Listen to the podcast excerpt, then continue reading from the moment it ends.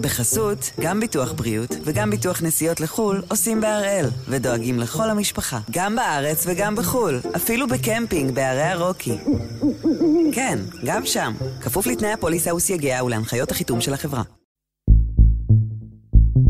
היום יום ראשון, 4 בדצמבר, ואנחנו אחד ביום, מבית N12.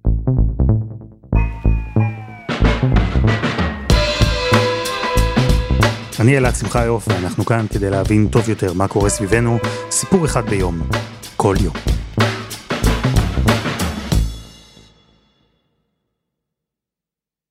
לא פעם, החוויות הכי זכורות לתלמידים בבית ספר הן כאלה שמתרחשות בכלל מחוץ למסגרת הרגילה של הכיתה. קחו לדוגמה טיולים, או את הרגע הזה שנכנסת מורה מחליפה ואומרת, קחו כדור וצאו לשחק. אבל לא רק רגעים כאלה, יש תכנים משמעותיים שהם לא חלק מתוכנית הלימוד. אני מניח שרובכם זוכרים את השיחות עם האסירים לשעבר, עם הנרקומנים או נשים בזנות לשעבר, שיחות מעוררות השראה שממש יכולות לשנות ולעצב את החיים של התלמידים ששומעים אותם. יש שיעורי הכנה לצה"ל, שיעורי חינוך מיני, מגדר, יהדות, ציונות, אלו רק כמה דוגמאות לנושאים משמעותיים, חשובים, שבתי הספר מספקים לילדים מחוץ למערכת. ועכשיו, מי שמקבל את הסמכות על התכנים האלה, על הגופים שמעבירים את התכנים האלה, הוא חבר הכנסת אבי מעוז, יושב ראש מפלגת נועם. וזה ממש לא מקובל על כולם.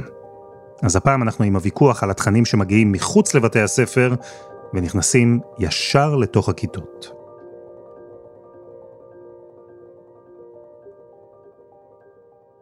ענבר טוויזר, שלום. שלום אלעד. איפה נולד הרעיון הזה, לתת למפלגת נועם את האחריות על מה שנקרא היחידה לתוכניות חיצוניות וקידום שותפויות? תראה, מתנהל משא ומתן קואליציוני, מפלגת נועם רוצה להרגיש שהיא מקבלת אה, סמכות ויכולת להשפיע. במפלגת נועם רצו מלכתחילה את תיק החינוך, אבל מרגע שהגבילו אותם במפלגת הליכוד ולא נתנו את התיק כולו, אז צמצמו את הדרישה לדרישה קטנה יותר, שזה לקבל לפחות סמכות על חלק מהתכנים, וזה מה שסוכם אה, בסופו של דבר.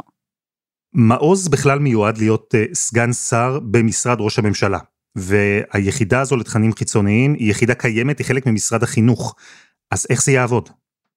בעצם ייקחו מתוך משרד החינוך את היחידה שאחראית על התוכניות החיצוניות, שזה בעצם כל הקשר שמשרד החינוך עושה עם כל מיני ארגונים, עמותות, פעילויות חוץ בית ספריות שמגיעות פנימה, ואת זה יעבירו לשליטה של משרד ראש הממשלה, ומשם לידיו של אבי מעוז. תסבירי לי, מה הכוונה בפעילות חוץ בית ספרית? איך היא קשורה בעצם למה שקורה בתוך בית ספר? לכל בית ספר יש תקציב גמיש שהוא יכול לעשות בו שימוש כדי לתת תוכניות העשרה לתלמידים. אבל את התוכניות האלו לא יכול לבחור על דעת עצמו, אלא לקחת אותם מתוך מאגר שהוא קיבל את האישור של משרד החינוך. אנחנו מדברים על יותר מאלף תוכניות שונות, והרשימה הזו רק הולכת וגדלה, והנה אני מסתכלת עליה כאן עכשיו, ואני יכולה לומר לך שיש כאן מגוון רחב מאוד של נושאים, גם תוכניות שנוגעות ליהדות ולציונות, תוכניות שמעודדות אה, ייעוץ כלכלי לבני נוער, אה, מדע, וגם יש לא מעט תוכניות שנוגעות ללימוד ערבית או ההיכרות עם אוכלוסיות מיעוט אה, ועם הקהילה הגאה. ומה המשמעות שכל הסל הזה של תוכניות העשרה יעבור לידיים של אבי מעוז? מרגע שהסמכות על היחידה הזו מועברת לאבי מעוז, הוא יכול להחליט מה הסל הזה של תכנים חינוכיים כולל ומה הוא לא כולל. ואנחנו כבר למדנו להכיר את המפלגה ואת האג'נדה שלה. יכול להיות שהוא יחליט להוציא החוצה תכנים שלא מתאימים לאידיאולוגיה של המפלגה, כמו למשל תכנים להט"בים, שמענו לא מעט התבטאויות שלו נגד הקהילה הגאה, כולל קריאה לבטל את מצעד הגאווה. מהצד השני יכול להיות שהוא ירצה לקדם תוכניות בנושאים כמו יהדות וציונות. זה אולי לא הכי אינטואיטיבי לחשוב על זה שגורמים מחוץ לבתי הספר, מחוץ למערכת החינוך, ייכנסו לכיתות ויעבירו לתלמידים שם שיעורים. אבל זו פרקטיקה ידועה, ויש בה גם היגיון האמת. פרופסור יזהר אופלטקה, מומחה למדיניות ומנהל החינוך בבית הספר לחינוך באוניברסיטת תל אביב, מספר וגם זוכר שבתקופתו כתלמיד, בניגוד לתקופתו כאיש חינוך אחר כך, המערכת לא הסתמכה עד כדי כך על תכנים חיצוניים. אני יכול לספר שכשהייתי בשנות ה-70 ילד בבית ספר יסודי, אה, היו לנו שיעורי זמרה, והיו לנו שיעורי אומנות, והיה לנו שיעורי מלאכה, והיו לנו כל מיני שיעורים אחרים, שלא את כולם אני יכול לזכור, אבל עובדה שאני זכרתי חלק מהם, כי הם היו ייחודיים, הם היו בחוץ. בעצם בשנות ה-80 וביתר שאת בשנות ה-90, קיצוצים שהיו בעיקר במערכת החינוך הממלכתית, מובילים לירידה ניכרת במקצועות ההיקפיים, אותם מקצועות שלאו דווקא היו בבגרות, אבל הם אלה שאנחנו זוכרים אותם. בחינוך אין הרי באמת ואקום, ועם הקיצוצים וההיעלמות של מקצועות שהם מסביב לנושאי הליבה הבסיסיים, היו כמעט מיד את מי שהבינו שיש צורך, שיש חלל ויש פוטנציאל. ובעצם במקביל לירידה הזאת, החל משנות התשעים, אנחנו רואים עלייה בגופים חיצוניים, אם נקרא לזה בשפה שהיום מכנים, אז לא קראו לזה כך, מיקור חוץ, ובעצם אנחנו רואים עלייה בגופים חיצוניים שמציעים את מרכולתם, שהיא בעצם, שהן בעצם תוכניות לימודים, נקרא להם חוץ בית ספריות, תוכניות חיצוניות, ומציעים אותם. בין אם זה בחינוך לציונות וחינוך לדמוקרטיה, והנה המכון ההוא והמכון הזה והעמותה הזאת והעמותה ההיא. ושם אני כבר פוגש את זה כרכז חברתי בבית ספר תיכון. שווה שרגע נפרק כל מיני תהליכים שקרו בערך באותה תקופה סביב שנות התשעים, כי הם כולם חשובים לסיפור. כולם השפיעו בצורה כזו או אחרת על כניסה של תכנים מחוץ למערכת החינוך אל תוך בתי הספר. אז נתחיל בפן הכלכלי, כי הוא מאוד חשוב, והוא גם מסביר הרבה ממה שקרה. קודם כל, להחזיק מורים עם כל הסכמי השכר זה דבר יקר. והנה יש לנו אפשרות להגדיל את השעות שהבית ספר מעניק לתלמידים, אבל לא להגדיל את, את סך כל ההוראה, כלומר לא להגדיל את ההיקף של משרת המורה. המורים ממשיכים לעבוד, אבל הנה נביא סטודנטים, אם זה תוכניות בנושא לימודי יהדות אז הביאו אה, אה, אה, שירות לאומי, בנות של שירות לאומי. זאת אומרת, יש לנו אמצעי שהוא מוכר אגב מסקטורים אה, ציבוריים אחרים, הפרטה. ככל שגדלים תקציבים הממשלתיים לחינוך, ככה יש כוחות שוק שרוצים לנגוס בתקציבים האלה. לייצר שעת חינוך דרך עמותה חיצונית זה זול יותר לבית הספר מאשר עם מורים משלו. אז התוכניות החיצוניות הפכו לפתרון כלכלי. ויותר מזה, הם גם הפכו לפתרון נוח עבור בית הספר ובעקיפין גם עבור ההורים. בסופו של דבר יש משהו שלא מדברים עליו, אבל לחלק גדול מההורים, במיוחד בשנות ה-90, אנחנו רואים כניסה מסיבית של נשים לשוק העבודה התעשייתי, לא עוד רק הוראה, ובעצם הנשים האלה כבר לא עובדות עד 12-1 בצהריים, אלא הן עובדות עד מאוחר, ובית ספר צריך להתאים את עצמו למשפחה החדשה שבה שני ההורים חוזרים מאוחר. אז איך נתאים את עצמנו? אם זה כיתות קטנות יש צהרונים, אם זה כיתות גדולות ניתן העשרה, וההשערה הזאת תבוא בצורות שונות. אז היו כל מיני תהליכים שונים שהובילו לכך שתוכניות חינוכיות מחוץ למערכת נכנסו פנימה אל בתי הספר, אל הכיתות. וזה היה ווין ווין ווין. ווין לעמותות שביקשו לקדם ערכים שחשובים להן, ווין לבתי הספר שקיבלו עוד שעות לימוד בזול, וגם ווין להורים שקיבלו מערכת חינוך שמעסיקה את הילדים שלהם, מעשירה אותם ומאפשרת להם, להורים, לנהל קריירה במקביל. מה עם תלמידים? האם גם שם היה ווין? טוב, זה כבר תלוי באיכות של התוכן החיצוני שהם למדו, אבל נגיע לזה. בניגוד ללימודי ליבה בסיסיים, מתמטיקה או אנגלית למשל, תכני ההעשרה החיצוניים נוגעים בדרך כלל בנושאים כלליים יותר, ערכיים. ובתחילת הדרך, האופי של התכנים האלה היה מאוד ברור. אם אנחנו רגע חוזרים לשנות התשעים, מי הם השרים שנפתח אצלם הברז בעצם ומתחיל איזושהי, איזשהו גידול תקציבי? השרים של מרץ, שולמית אלוני עליה השלום, אה, אה, יוסי שריד עליו השלום, ובעצם אנחנו רואים בתקופתם עלייה בתוכניות שתואמות לאג'נדה הפוליטית שלהם. אז יש לנו תוכניות עם המכון הדמוקרטי, ויש לנו תוכניות עם כל מיני עמותות שמקדמות חינוך לפלורליזם, וחינוך כזה וחינוך אחר. זאת אומרת, בתי הספר מעודדים, הם מעודדים אותם לרכוש את התוכניות האלה. בשנים ההם זה משהו שהוא יותר, מה שנקרא, מגיע מלמעלה. כלומר, אני, אני מנסה להבין מה אתה אומר פה, היה תמריץ להכניס פעילות חינוכית חיצונית שמותאמת לאג'נדה פוליטית של שרי החינוך? אני לא הייתי אומר שזו אג'נדה שמתאימה לה, לה עצמה רק, הייתי אומר שזאת אג'נדה שמתאימה לציבור בעיקרו ששולח את הילדים שלו באותם שנים לחינוך הממלכתי. זאת אומרת, זה לא שדיברו שם על תוכניות של בעד שטחים או נגד שטחים, אלא אלה היו יותר תוכניות שדיברו על חינוך לדמוקרטיה, לחזק את הזהות היהודית-דמוקרטית. בעצם אלה היו תוכניות שהתאימו את עצמם לתפיסה הממלכתית-ליברלית של החינוך הממלכתי. האיסור לעשות פוליטיקה ישירה קיים, הבעיה היא הפוליטיקה העקיפה. הדרך שבה משנים ומעצבים מחדש תפיסות ערכיות של ילדים. זה החשש הגדול דרך התוכניות הללו. ההבחנה שפרופסור אופלטקה עושה כאן היא חשובה. אפשר להתווכח עליה כמובן, עד כמה שרי חינוך בעבר התערבו וניסו לערבב את האג'נדה הפוליטית שלהם עם התכנים החיצוניים. באופן ישיר לפחות, הוא אומר, זה לא קרה. לא עם שרי חינוך ממרץ ולא עם שרי חינוך מימין שבאו אחריהם. פוליטיקה בוטה, ברורה, נשארה מחוץ למערכת. אפשר אבל, ועל זה הוא מדבר, להעביר מסרים פוליטיים לתלמידים בתוכניות מיוחדות גם בדרך לא ישירה. כלומר, אם אני תנועה מאוד מאוד שמאל, ש, ש, שמאמין אה, שהכיבוש הוא כך וכך, אז אני יכול להציע עמותה שבה אנחנו נדבר על כל מיני צורות של כיבוש, נדבר על מלחמת אלג'יר לשחרור, ונדבר על המהפכה של, של הודו. כלומר, בדרכים עקיפות אני מדבר על קולוניאליזם, ולמה הקולוניאליזם היה רע. ובאופן עקיף אני יוצר לי תפיסה ליברלית. ומהצד השני, בואו נדבר על היהודי שחוזר לאדמתו, וזה זכות אבות, ו- וברור, וכולנו יהודים, ו- ו- וכדומה וכדומה. כלומר, לא צריך לומר את הדבר בחינוך, אפשר לעשות אותו בצורה עקיפה. אני לא תמים, החינוך, גם החינוך שמלמד לבגרות, יש בו המון מסרים ערכיים. אבל כאן, מי שמלמד, וזה ההבדל הגדול, אלה מורי בית ספר.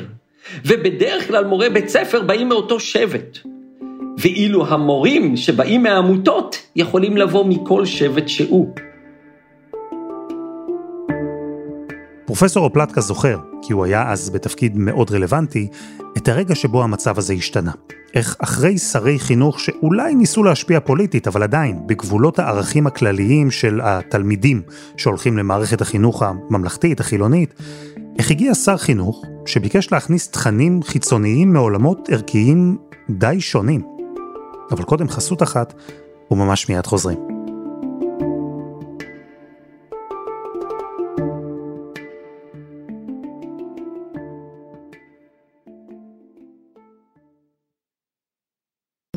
בחסות, גם ביטוח בריאות וגם ביטוח נסיעות לחו"ל עושים בהראל, ודואגים לכל המשפחה, גם בארץ וגם בחו"ל, אפילו בקמפינג בערי הרוקי. כן, גם שם, כפוף לתנאי הפוליסה וסייגיה ולהנחיות החיתום של החברה. אנחנו מסתכלים על תוכניות הלימוד החיצוניות למערכת החינוך שנלמדות בבתי הספר, בכיתות, ותוכניות שלפי ההסכם הקואליציוני אמורות לעבור בקרוב ממשרד החינוך לידיים של מפלגת נועם, השותפה החדשה בקואליציה המיועדת. וזה זמן טוב לדבר על המנגנון, איך עובדות בכלל תוכניות הלימוד החיצוניות האלה, איך עובד הפיקוח עליהן. אז בשביל זה נחזור 70 שנה אחורה. בשנת 1953 נחקק חוק חינוך ממלכתי. שבעצם מאפשר ארבע מערכות חינוכיות נפרדות. בחינוך הממלכתי-דתי יש ועדה מוסרית נקרא לה, ועדה ערכית. היא מחליטה אילו תכנים יכולים להיכנס ואילו לא. בחינוך החרדי כמובן אוטונומיה מוחלטת. איזה חינוך האבות המייסדים אינם סבורים שהם זקוקים לתת לו הגנה? החינוך הממלכתי, היהודי והערבי כאחד. בעצם אנחנו מגיעים היום למצב שבשל אותה החלטה מוטעית של אותם השנים, אין לנו הגנה על החינוך הממלכתי. בזמן שבמערכת החינוך הממלכתית-דתית יש ועדה שקובעת איזה תכנים חיצוניים ייכנסו לכיתות, החינוך הכללי, הממלכתי, החילוני, נשאר פרוץ. ובמצב הזה, לשר החינוך, או לחלופין לאיש שיש לו סמכות על רשימת התכנים החיצוניים, הוא מחזיק בהמון כוח. הוא יכול כמעט להחליט לבד. תנו לי רגע להסביר, כי לא כל עמותה שרוצה להיכנס לכיתה ולהעביר שיעורים יכולה לעשות את זה. היא צריכה לקבל אישור, להראות למשרד החינוך מה תוכן השיעורים, אם הם לא מפרים ערכים מקובלים, לא מעודדים גזענות למשל, פוגעים במדינה או משהו בסגנון. רק עמותה שמקבלת אישור נכנסת למאגר, למערכת שנקראת גפן. איך הארגונים האלה נכנסים למערכת? הם מגישים בקשה כמו כל מכרז, והם צריכים לעמוד בתנאי סף. במערכת הזאת מגיעים, אה, המנהל מסתכל ויש לו את העמותות השונות שאליהם הוא יכול לפנות, או את הארגונים השונים לפנות אליהם. מה עושה המנהל? קודם כל המנהל לא מחויב לקחת את התוכניות האלה. אם הוא רוצה אותם הוא צריך להתייעץ עם הנהגת ההורים, הנהגת ההורים יכולה לסרב. לא יכולה להיכנס תוכנית בלי אישור של הנהגת ההורים, הנהגת ההורים זה ועד ההורים שיושב ומתכנס. בעולם אידיאלי, מנהל בית ספר היה מביא לאישור ועד ההורים המקומי תכנים מעמותות שיש להם ניסיון, יכולות חינוכיות מוכחות, עם ערכים שתואמים את אלו של בית הספר, של ההורים, של התלמידים, נושאים שיעשירו את התלמידים שלו, וזהו, השיעורים משם היו יוצאים לדרך, אלא שאנחנו לא בעולם אידיאלי, כי לא פעם במערך השיקולים של מנהל כשהוא בוחר עמותה ותוכן, נכנס גם שיקול כלכלי.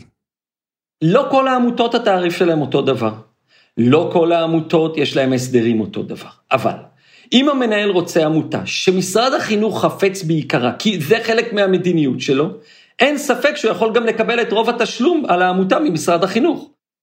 כאן נמצא הכוח האמיתי של האחראי על התכנים החיצוניים, בכסף, ביכולת לקחת את התקציב שמיועד לתוכניות האלה ולסבסד חלק מהן. לקחת נניח עמותה שמקדמת האזנה לפודקאסטים חדשותיים יומיים, ולומר למנהלים, אם תיקחו את השיעורים שלה, אנחנו, היחידה לתוכניות חיצוניות, נסבסד לכם 20 אחוז, ככה שמתקציב בית הספר תוציאו רק 80 אחוזים.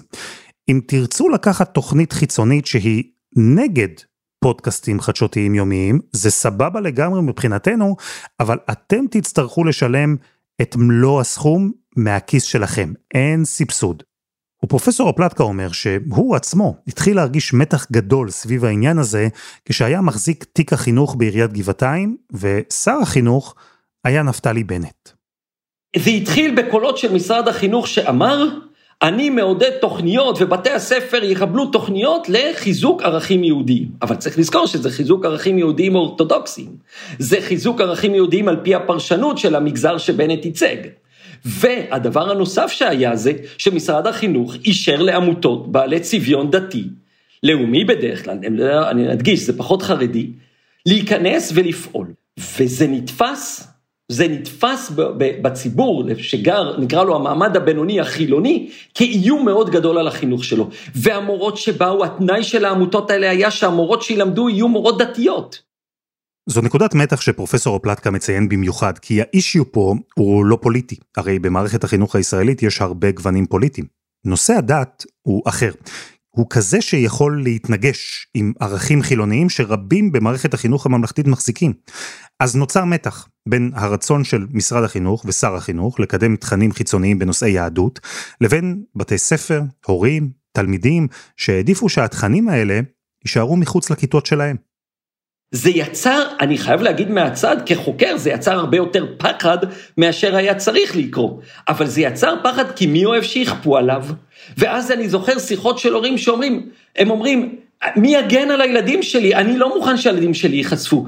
זה, זה הוביל אגב לדברים לא נעימים, כמו צד אנשים שפתאום ליד בית ספר מניחים תפילין, והורים ישר יוצאים לגרש אותם. זאת אומרת, זה הוסיף חרדה מאוד גדולה, ובאמת הייתה תחושה של איום, לפחות באזורים שאני הייתי בהם. למשל בגבעתיים אני יכול להגיד שקיבלנו החלטה שלא תיכנס אף תוכנית חיצונית בכל תחום, בלי שוועד ההורים סמך את ידיו והורי הכיתה לפחות 80 אחוז הסכימו, ואלה שלא, תינתן להם תוכנית חלופית בזמן הזה. כלומר, זה הכניס את הרשויות המקומיות, בחלקן, לתמונה. בעצם הרשות המקומית הבינה שהיא חייבת להגן על הצביון של החינוך הממלכתי בעיר שלה. לא כל רשות מקומית יכולה להיכנס לתמונה ולהגן על הצביון של החינוך בעיר שלה. בגבעתיים למשל, יש רשות מקומית חזקה ועשירה, אז היא הייתה יכולה להחליף את המדינה, לתת למנהלים תקציב מיוחד, להביא תוכניות חיצוניות לא מסובסדות, מבלי שהם, המנהלים, יצטרכו לשלם את הכל מתקציב בית הספר. בהחלט, בהחלט, בהחלט, ועכשיו אנחנו נשאל, ולמי יש פחות כוח מבין המנהלים? למנהלים ברמת השרון, צפון תל אביב, גבעתיים, שבעצם יש הנהגת הורים חזקה, ויש בעצם הורים שאומרים עד כאן, או למנהלים שמשוועים לכל שקל בעיירות פיתוח, בפריפריה, בשכונות מצוקה. ואלה בשכונות מצוקה זקוקים ליותר כסף, אלא אם כן העירייה מאוד חזקה, ניקח את עיריית תל אביב, והיא מסבסדת אותם ואומרת את התוכניות האלה לא תכניסו בתל אביב. יפה. כאן אנחנו מתחברים למה שקורה היום, לכוונה להעביר לידי אבי מעוז את התוכניות החיצוניות ממשרד החינוך. וזה אתגר שהוא לא כל כך מורכב עבור הרשויות החזקות, העשירות, כי הן יכולות להתמודד בלי עזרה של המדינה, להמשיך להביא לבתי הספר את התוכניות החיצוניות שהן רוצות. זה בעיקר אתגר לרשויות החלשות, העניות, ולבתי הספר שבהן. בתי הספר שימצאו שהתוכניות המסובסדות הן כאלה שלא בהכרח מתאימות לעולם הערכים שלהן. בוא נחשוב רגע על מפלגת נועם, אני רק הולך לפי ההצהרות שלה. תפיסת העולם שלה נוגדת את תפיסת העולם הממלכתית ליברלית אוניברסלית, שעליה מושתת החינוך הממלכתי. מי ששולח את ילדו לחינוך חילוני, הוא בא מתפיסת עולם ערכית ציונית, אם מדובר על החינוך היהודי וכדומה. עכשיו, כן, אם ניקח לרגע את הנושא של להט"בים, הנושא של להט"בים יכול היה לפרוץ במדינת ישראל בשל התפיסות של רבים, שכל אדם רשאי לחיות בהתאם לזהותו. ומכיוון שאין לנו מורים שיכולים ללמד לימודים, חינוך מיני להט"בי מספיק במערכת החינוך, בא החינוך הממלכתי ואמר, אני המורים שלא יודעים לתת מענה בנושא הזה, נקנה מהעמותות שעוסקות בחינוך מיני להט"בי את השירותים האלה וניתן לילדים שלנו. עכשיו, בואו נחשוב רגע על מצב שבו אה, אה, מחזיק התיק נקרא לו של הנושא הזה, או מי שאחראי על הנושא הזה, מתנגד נחרצות לזה.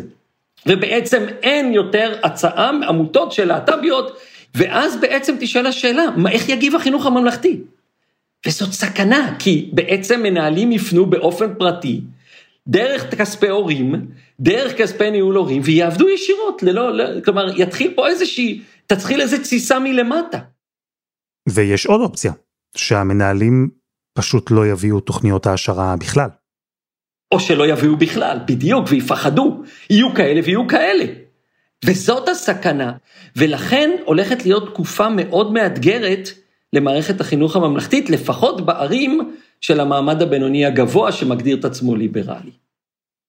ענבר, אז יש לא מעט חשש סביב הצעד הזה, הסמכויות שיקבל אבי מעוז, יש לא מעט גם שאלות, אנחנו יודעים בכלל משהו על הכוונות שלו בתפקיד? מאז שההסכם נחתם התעוררה ביקורת ציבורית גדולה מאוד, גם בתוך מערכת החינוך, כולל לא מעט רשויות מקומיות שהודיעו שהם יצאו במרד ולא ישתפו פעולה אם אבי מעוז יחליט לעשות שינויים דרמטיים. אנחנו פנינו אליו לתגובה, לא שמענו אותו מתבטא מאז, ויכול להיות שגם הביקורת הציבורית הזו שהתעוררה, תגרום לשותפות האחרות בקואליציה למתן אותו ולא לאפשר לו אה, ללכת עד הסוף עם האידיאולוגיה שלו בתוך הסמכות הזו. צריך לקחת בחשבון שיש דברים שאנחנו עוד לא יודעים, כמו למשל מי יהיה שר החינוך ואיך הוא יתנהל. וגם הרשויות המקומיות ועדי ההורים, יש להם עדיין חופש פעולה. הם יכולים להחליט שהם מוסיפים על דעת עצמם תכנים לבתי הספר, אז זה נכון שזו סמכות גדולה, אבל יהיה גם מי שיכול לאזן.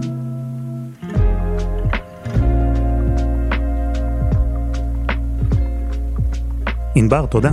תודה, אלעד. ותודה לפרופסור יזהרו פלטקה.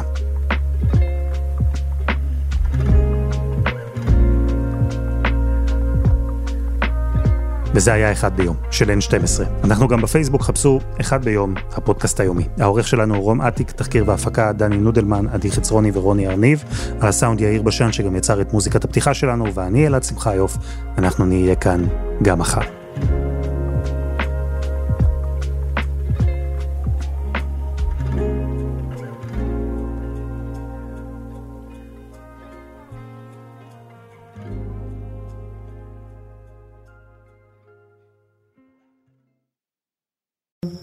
בחסות, גם ביטוח בריאות וגם ביטוח נסיעות לחו"ל עושים בהראל, ודואגים לכל המשפחה, גם בארץ וגם בחו"ל, אפילו בקמפינג בערי הרוקי.